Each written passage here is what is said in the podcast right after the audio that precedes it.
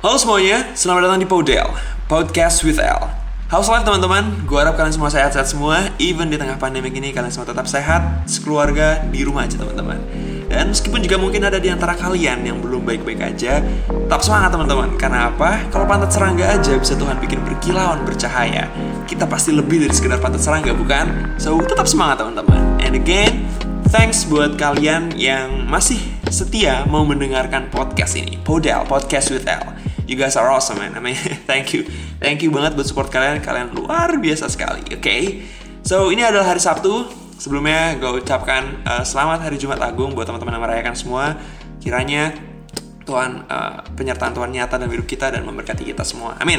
So ya, yeah, ini adalah hari Sabtu, hari di mana gue akan ngomongin teknologi. Sudah sejauh apa perkembangan teknologi sampai saat ini? Karena emang ya, perkembangannya sangat menarik. Industri komputer dan smartphone semakin menarik, semakin menarik, semakin hari semakin menarik. So ya, hari ini gue pengen ngomongin teknologi. Udah ada beberapa berita menarik yang gue suka dan pengen gue share ke kalian semua. So tunggu apa lagi? Without any further ado, let's get into it. Berita pertama datang dari dunia smartphone. Kita ngomongin dulu teknologi yang kecil-kecil ya, apa yang handheld bisa dibawa ke mana-mana. Smartphone, HP pintar, ponsel cerdas, ya smartphone namanya banyak ya, nama istilahnya. Oke, okay, ya dari mana? Dari Xiaomi dulu. Oke, okay. kita ngomongin Xiaomi lagi, Xiaomi lagi karena emang menarik nih Xiaomi. Okay. Dan akhirnya Xiaomi sudah mulai menunjukkan taringnya di segmen tahan air. Waduh, okay. akhirnya, akhirnya nih akhirnya. Setelah Xiaomi lama banget ya dari ya dari 2000 ya pokoknya udah lama dari 2015 2016 tuh nggak pernah uh, ada segmen mainstreamnya itu ya yang non flagshipnya yang yang mulainya rempet tahan air tuh belum ada gitu kan. Setelah sekian lama sejak Gajah Mada jadi patih di di Majapahit sampai Gajah Mada bikin sarung ya sarung gajah. Gajah duduk kayak jokes. Put that side. Nggak lucu ya. Ya udah penting berusaha. Oke okay. anyway ya Xiaomi akhirnya mulai menunjukkan taringnya dia udah mulai nyenggol segmen smartphone tahan air teman-teman. Yes sekarang dia udah mulai Wuh, udah mulai nyenggol-nyenggol nih. Ini uh, persaingan semakin ketat, saudara-saudara. Oke. Okay. Setidaknya di dua smartphone terbarunya yaitu Poco X3 Pro sama Redmi Note 10. Ada Redmi Note Redmi Note 10, 10 Pro, Pro Max ya. Pokoknya Redmi Note 10. Keluarga segmen Redmi Note 10 udah mulai ada uh, tahan airnya dan sama Poco X3 Pro. Ya, ya Poco X3 Pro ini buat teman-teman yang udah mungkin teman-teman punya Poco X3 NFC keluar Poco X3 Pro ini mungkin agak nyesek bukan agak nyesek lagi sih nyeseknya banget. Karena emang speknya ningkat cukup drastis sih kayaknya ya. Dia udah pakai Snapdragon 860 aja. Oke, oke okay, anyway, ya. Udah mulai nyenggol segmen tahan air. Meskipun masih IP53 sih, masih IP53, ini masih tahan cipratan air, belum yang bisa benar-benar direndam dalam satu meter uh, selama 30 menit atau apa pun itu. Yang ya seperti uh, yang mainstream IP67 atau 67 dan 68, 68 masih 53 masih tahan cipratan air. Tapi seenggaknya seenggaknya Xiaomi udah mulai nyerempet itu oke. Okay. dan pasti ke depannya eh, gue expect lebih dari Xiaomi. Semoga Xiaomi akan membuat IP67 dan IP68 di varian-varian lainnya. Kita tunggu aja ke depannya. Ya tapi ngomongin ya ngomongin Xiaomi lagi nih. Asli sih. Kalau udah apa namanya bener-bener gitu dia udah mulai nyerempet IP53 berarti ke depannya bakal lebih lagi kan? Bisa aja ya. Itu semua kemungkinan terjadi seperti nanti jadi ada IP68 dari Xiaomi. Asli sih Xiaomi ini emang gak ada bisa-bisa kayak dia pengen nyerang segmen-segmen smartphone lain itu dia pengen gitu. Dia pengen jadi raja gitu asli. Pengen dia nyerempet raja-raja terakhir istilahnya. Asli Xiaomi dia tanpa IP53 aja tanpa ada sertifikasi IP di di smartphone-nya aja itu value-nya udah tinggi banget teman-teman. Oke apalagi dia ngasih sertifikasi IP oke itu udah udah udah apa nggak ada kata-kata lagi lah buat Xiaomi. Keren. Lu keren Xiaomi asli. Semoga nanti di Podel episode keberapa mungkin di episode 700 lama banget. Di season berapa mungkin ya Xiaomi masuk. Amin amin. Podel semangat terus Podel oke okay, anyway ya value-nya tinggi banget karena emang ya kalau ngomongin Xiaomi Xiaomi itu adalah salah satu smartphone Android yang apa namanya uh, pelayanannya tuh bagus. Pelayanan dalam artian tuh sering ngasih update uh, software, which is bagus buat uh, reliability-nya. Jadi semakin lebih tahan lah ya, bisa survive beberapa tahun lebih lama daripada smartphone pada umumnya Android pada umumnya yang tidak begitu uh, apa namanya agak pelit lah istilahnya agak pelit untuk ngasih uh, update software. Dan itu membuat Xiaomi memiliki value lebih dibanding kompetitornya. Dan ya udah harga murah spek bagus terus juga ada IR blaster atau infrared yang bisa jadi remote itu udah membuat value tinggi dikasih lagi sertifikasi. Good job you guys are awesome Xiaomi oke okay? dan ya itu dari eh, Poco X3 Pro dan Redmi Note 10. Nah, ngomongin Redmi Note 10, Red, ngomongin Redmi Note 10, ada yang baru-baru ini udah mulai beritanya tuh yang Redmi Note 10 sama Red, Redmi Note 10 Pro. Redmi Note 10 Pro dan 10 tuh kalau dari baterai bedanya cuma 20 mAh, Pro lebih besar 20 mAh. Ya sama-sama nggak beda jauh lah, nggak signifikan-signifikan banget. Sama-sama punya fast charging 33 watt yang bisa ngecas 50% dalam waktu sangat-sangat singkat itu kenceng banget 33 watt ya. 18 watt aja udah kenceng di Redmi 9 ini 33 watt. Anyway dan spesifiknya uh, jerawannya chipsetnya beda. Kalau Redmi Note 10 yang non pro ya ini dia menggunakan Snapdragon dari Qualcomm juga Snapdragon 678 kalau yang pro menggunakan Snapdragon 732G oke ada G ada seri G ini ya gimmick atau enggak seenggaknya emang ada G dia lebih seharusnya asumsinya lebih bagus performance-nya untuk main game. Karena ada game game game oke? Okay. good good game. Oke okay, anyway ya itu Redmi Note 10 Redmi Note 10 Pro. Tunggu aja untuk harga resminya. Ya kemungkinan sih di 2000-an lah ya 2000-an mungkin. Poco X3 di 3000-an 2800 sampai 3000-an kurang lebih seperti itu. Lanjut lagi ke berita berikutnya masih dari Xiaomi lagi yaitu Xiaomi Mi Mix Fold oke? Okay, Mi seri Mi. Kalau tadi kan Poco itu anak perusahaan Xiaomi kayak partner eh, bukan partner kayak cabang lain dari Xiaomi. Masih masuk dalam rumah besar Xiaomi tapi bukan seri Redmi bukan bukan Mi atau Redmi Note 10 bukan. Tapi dia masih cabangan dari Xiaomi masih anaknya si Xiaomi. Kalau Redmi dia awalnya kan Xiaomi Redmi Note tapi sekarang Xiaomi cuma fokus di Mi. Jadi dia Redmi sekarang jadi Redmi aja Redmi Note 10 by Xiaomi kayak gitu. Bukan Xiaomi Redmi Note 10 tapi Redmi Note 10 by Xiaomi misah aja tapi sebenarnya masih sama-sama dari Xiaomi dan selanjutnya ada Mi Mix Fold Mi seri Mi berarti seri flagshipnya varian flagship Xiaomi lagi yang menyaingi Z Fold oke okay? Mi Mix Fold bisa dilipat teman-teman oke okay? nyaingin uh, Z Fold dari negeri ginseng Samsung gitu oke okay? so ya yeah, Mi Mix Fold ini akan dibekali dengan chipset terkencang dari Qualcomm saat ini at least sampai saat ini Snapdragon yaitu Snapdragon 888 ya sama kayak yang udah kita bahas di episode minggu lalu. Kalau teman-teman belum nonton uh, belum nonton lagi belum dengar episode ta uh, tahun lalu lagi. Episode minggu lalu tentang teknologi lagi uh, teknologi juga yang gue ngomongin itu ngomongin Mi 11 yang di uh, protolin atau di ya dibongkar dalamnya. Oke. Sama pakai Snapdragon 888 kewenceng. Soal kencang tuh aduh nggak usah nggak usah nggak usah diomongin lagi kencangnya ini udah kewenceng banget nih ini chipset, uh, chipset terkencang emang saat ini ya. Resolusinya tinggi uh, karena Fold ya, jadi agak besar dimensinya 8 inci.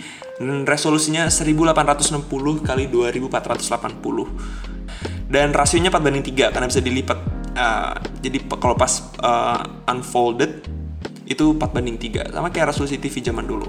PPI atau pixel per inch-nya ada di angka 387 itu PPI yang tajam banget teman-teman itu sharp itu tinggi banget itu bener-bener di atas 300 uh, eh, itu udah crispy banget di mata dilihatnya. Harganya kurang lebih 20 juta ngomongin harga 20 juta. Ini mahal banget sih even buat Xiaomi itu sendiri. But it is gonna be worth it totally worth it especially if you are a Xiaomi fan fanboy to be exact. Ya 20 juta 20 juta ini mahal sih teman-teman. Ini kalau diinvest ke laptop atau komputer ini teman-teman bisa dapat kalau harganya normal ya kalau harga komputer normal dengan VGA normal karena tidak ada um, ya tidak ada si Bitcoin ini semuanya berjalan dengan normal harga VGA normal 20 juta ini seharusnya bisa lah nyentuh-nyentuh Ryzen 7 atau uh, i7 yang generasi ke-10 tapi yang bukan seri K bukan seri K ya bisa dan VGA-nya bisa lah 30 70 30 60 bisa. Bisa. Ini kenceng buat komputer kalau di invest ke komputer ya tapi buat HP yang bisa default Xiaomi Mi, Mi Mix Fold 20 juta nih mahal banget even buat Xiaomi. Oke okay, so ya. Yeah, ngomongin Fold gue pribadi sih nggak begitu ngerti ya fungsi dari Fold itu sendiri buat apa actually buat flexing ya gue gue pribadi nggak begitu ngerti fungsi dari Fold itu sendiri. Kecuali buat flexing flexing maksudnya apa? Kayak ya ya lihat nih HP gue bisa dilipat ya kan keren gitu kan. Kayak uh, uh, Z Flip gitu kan bisa di flip tak ya. Ini Fold bisa dilipat juga buat ya nggak terlalu ngerti fungsi pribadinya tuh buat apa. Kayak itu seakan-akan cuman uh, gimmick ya. Mungkin ya gue ngerti. Kalau buat baca artikel mungkin teman-teman suka baca ebook komik gitu buat gantiin Kindle um, ya mungkin sangat menyenangkan dipakai. Tapi seberapa sering sih kita baca ebook di HP dan ya sekalinya emang cuman baca-baca biasa HP biasa juga udah cukup uh, memberikan pengalaman yang bagus juga sih selain uh, harus tanpa harus uh, HP bisa default ya. So menurut gue kurang praktikal aja sih. Tapi ini uh, preferensi pribadi gue ya. Dan kalau multimedia kalau misalnya buat nonton-nonton gitu rasio 4 banding 3 kan sekarang tuh biasanya udah 16 banding 9 bahkan buat HP yang udah uh, full screen yang bener-bener no bezel gitu nggak ada jidat nggak ada chin itu rasionya udah 16 banding ya di atas 16 banding 9 jadi rasio 4 banding 3 itu kayaknya udah kurang relevan lagi sih. Kecuali pas posisi volt ya pas posisi volt mungkin bisa jadi 16 banding 9 gitu kan. So ya yeah, kurang praktikal aja. Kalau buat main game uh, enak-enak aja sih mungkin kayak mungkin buat Genshin Impact mungkin environmentnya lebih kelihatan lebih jelas gitu kan. Tapi model smartphone konvensional yang nggak bisa default yang 16 banding 9 tadi juga udah sangat enak sih sebenarnya. Jadi ya menurut gue tuh kurang praktikal aja sih. Jadi menurut gue uh, unless they wanna embrace a value of futuristic as a gimmick I mean, I mean uh, nowadays gimmick and futuristic is almost at the same level. So, smartphone that can be fold is an unnecessary feature that is available on a phone nowadays. At least uh, it's what in my opinion. Okay. ya kecuali mereka emang mau um, memeluk, uh, mau menunjukkan value futuristisnya gitu sebagai gimmick ya karena bisa default flexing menurut gue tuh nggak terlalu unnecessary banget lah ya gitu Oke, itu cukup dari smartphone. Kita beralih ke industri komputer sekarang. So, ya beberapa hari yang lalu, gue melihat sebuah video. Gue nonton YouTube, gue buka YouTube, gue nonton video. Ada video yang sangat menyenangkan untuk seorang PC enthusiast, especially gamer, not gonna lie. So, ada sebuah perusahaan bernama Virtuix yang membuat sebuah platform baru yang memberikan VR experience lebih imersif buat kita semua yang suka game dan suka VR tentunya. So kalian tahu film Ready Player One gak? Oke ini uh, by the way Ready Player One ini film yang bagus banget. Kalau nggak salah Steven Spielberg juga sih kalau nggak salah sutradaranya. Oke. Okay? Anyway Ready Player One ini film bagus, film tentang game. Kalau teman-teman uh, nonton anime juga atau tahu anime SAO Sword Art Online, jadi mana orang uh, playernya bisa masuk ke dalam in game itu sendiri dan bermain seperti gerak di dunia nyata gitu. Tapi dia literally di dalam game dan tubuh aslinya hanya tiduran. Ya Ready Player One kurang lebih seperti itu. Cuman Ready Player One uh, Ready Player One nggak tiduran kayak di Sao tapi bener-bener gerak gitu. Apa? Cuman geraknya di tempat gitu. Orang di dalam gamenya ngerasa gerak di ya seperti dunia nyata. Dan anyway nah itu yang udah diberikan sama Virtuix. Mereka membuat platform yang memberikan VR experience lebih imersif jadi dia pakai vest yang bisa uh, mungkin seakan-akan nge-track badannya terus juga di atas treadmill lingkaran bulat gitu yang di mana sepatunya juga khusus dari Virtuix yang udah disediakan geraknya bisa lebih fluid dan lebih imersif jadi VR seakan-akan bukan di kepala doang tapi benar-benar gerak oke okay? itu wah itu gila sih keren banget oke okay? we're getting closer to the future of gaming especially VR gaming itu gokil banget banget banget banget kalau teman-teman emang suka main game ya dan suka men eh, at least menyukai perkembangan industri game ini Virtuix ini benar-benar kayak mind blowing banget sih karena perkembangannya sudah sejauh ini ya ternyata. Dan kemarin gue juga lihat di situsnya uh, di invest.virtuix.com dana yang sejauh ini sudah terkumpul untuk project Virtuix ini Omni One. Oh ya by the way namanya uh, Omni One ya nama uh, nama projectnya itu Omni One itu nama platform platformnya ini yang bisa dilakukan untuk bisa merasakan VR, VR experience yang jauh lebih imersif ini namanya Omni One dari Virtuix. Perusahaan Virtuix membuat project namanya Omni One. Ya, di invest.virtuix.com dan yang sejauh ini sudah terkumpul untuk project Omni One ini mencapai 14 juta dollar. That's huge, a lot of money. Oke. Okay. Banyak yang investasi dan semoga semoga semua berjalan dengan baik dan lancar. 14 juta dolar teman-teman itu banyak. Oke. Okay. Anyway, uh, kalau gue recall pernah nonton film Dota tentang Dota di tahun 2011 uh, namanya apa ya nama filmnya? Free to play di ada di YouTube free to play Dota. Itu harganya satu juta dolar di tahun 2011 itu satu juta dolar aja tuh banyak banget. Sekarang 14 juta dolar oke ya banyak banget teman-teman. Oke that's huge oke ya udahlah anyway 14 juta dolar banyak. Semoga project Omni One ini berjalan dengan baik dan lancar oke? Karena ya meskipun pasti pasti nggak semua orang bisa afford uh, teknologi ini ya karena emang pasti mahal pasti mahal dan ya nggak semua orang punya dana buat beli atau afford uh, project kayak gini gitu. But ini adalah bukti kalau industri gaming itu udah luar biasa maju dan sudah sejauh ini. Dan gue aja yang pertama kali nonton di YouTube itu gila. Gila meskipun belum semua game ya belum banyak game yang bisa support ya of course lah banyak. Butuh development lebih banyak lagi lebih jauh lagi lebih dalam lagi untuk bisa membuat VR experience ini akan lebih jauh jauh lebih immersive dengan banyaknya varian game. Tapi ini adalah bukti kalau udah sejauh ini ya gila. Kacau ya ternyata. Kacaunya tuh dalam artian yang baik gitu kayak gokil Oke, oke, jadi lebay. Oke, oke, next bahas berita lainnya, bahas berita lainnya. oke, ada berita baru dari komputer lagi Kali ini adalah Intel Rocket Lake generasi ke-11. Oke, prosesor generasi ke-11. Setelah sebelumnya Comet Lake dan Tiger Lake. Oke, Tiger Lake dan Comet Lake ini sama-sama generasi 10, cuman um, yang si Comet Lake ini uh, sedikit lebih advance daripada Tiger Lake karena kayak Tiger Lake ini yang uh, early investment atau early development gitu istilahnya dan uh, Comet Lake yang udah lebih diperbarui. Uh, correct me if I'm wrong, but as um, so far yang gue yang gue tahu sih kayak gitu. Dan sekarang sudah masuk generasi ke-11 Rocket Lake. Ya, Intel sudah masuk generasi ke-11 teman-teman. Nama arsitekturnya Cypress Cove. Oke, okay, uh, mungkin teman-teman juga nggak terlalu musingin namanya. Oke, okay, yang jelas Intel generasi 11 ini kencang. Ya pastilah ya, karena dia bersaing dengan Zen 3 dari Ryzen kompetitornya AMD Ryzen 3. Um, maksudnya Zen 3 Ryzen ya yang 7 nanometer plus gitu dengan Ryzen 3, 5, 7 dan 9 yang udah kewenceng parah juga ya tapi Intel masih setia dengan 14 nanometernya, fabrikasi 14 nanometer yang ya secara angka kalau kita bandingin dengan kompetitornya itu kayak di apa sih Intel kok masih 14 nanometer? Tapi ya kenyataannya seperti itu dan kenyataannya di real time performance-nya 14 nanometer Intel yang udah di push jauh lebih dalam dari Intel Intel sebelumnya generasi sebelumnya dengan clock speed yang sudah di uh, improve sedemikian rupa.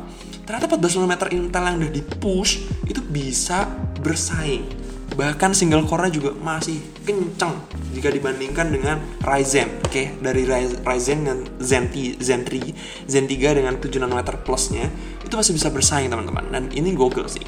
Oke okay, varian flagshipnya jelas Intel i9 seperti Ryzen juga Ryzen 9 generasi i9 generasi ke-11 ini jika dibandingkan generasi sebelumnya uh, generasi ke-10 oke? okay, uh, kita ngomongin uh, flagship yang K series yang buat benar-benar produktivitas, uh, produktivitas dan gaming.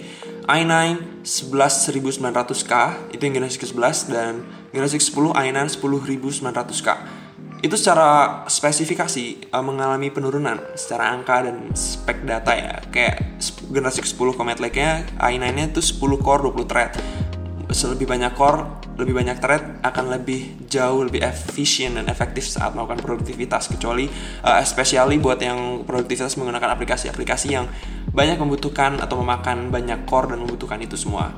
Oke. Okay. Dan di generasi ke-11 cuma 8 core 16 thread. Ya, turun 2 core dan turun 4 thread ini cukup mempengaruhi sih kalau buat ya ngomongin aplikasi yang tadi ya. Tapi kalau dilihat dari data benchmark yang bisa teman-teman lihat di internet dan yang gue kasih tahu juga ya, ya ini ternyata 8 core 16 threadnya si Intel Generasi 11 ini, especially i9 ini, itu bisa loh teman-teman ngalahin 10 core 20 threadnya generasi sebelumnya. Padahal tuh lebih banyak core, lebih banyak thread loh. Dan dia bahkan bisa bersaing ketat loh dengan kompetitor Ryzen 9 5900X yang which is dia 12 core 24 thread gila sih ya. Emang masih 14 nanometer sih. Ngomongin uh, Intel pasti di di jelek-jelek atau dijadiin meme sama AMD kayak masih 14 nanometer tapi in fact gitu loh real time performance-nya 8 core 16 thread tuh bisa bersaing ketat dengan Ryzen 9 dan gue sempat berpikir sih kenapa hal itu bisa terjadi? Mungkin secara performa atau secara data mungkin spek kalah de- dengan Comet Lake ya Rocket Lake kalah dengan Comet Lake. Seperti yang tadi udah dibilang 8 core 16 thread dengan yang dibandingkan dengan 10 core 20 thread. Tapi bisa lebih kencang karena optimalisasi performa dari step clocknya dibandingkan generasi sebelumnya. Ya kembali lagi 14 nanometer yang udah jauh lebih dipus itu ternyata ngaruh dan hasilnya nyata gitu. Bahkan bisa bersaing dengan kompetitor lainnya jumlah core yang lebih banyak. So yeah welcome Rocket Lake uh, to the competition varian flagship kayak i7 dan sama i9 itu pasti lebih mahal. Jelas lah karena flagship. Pasti mahal banget. Apalagi varian unlock atau K series yang bisa di overclock ya pasti mahal banget. Kompetisi jadi semakin begitu menarik perkembangannya.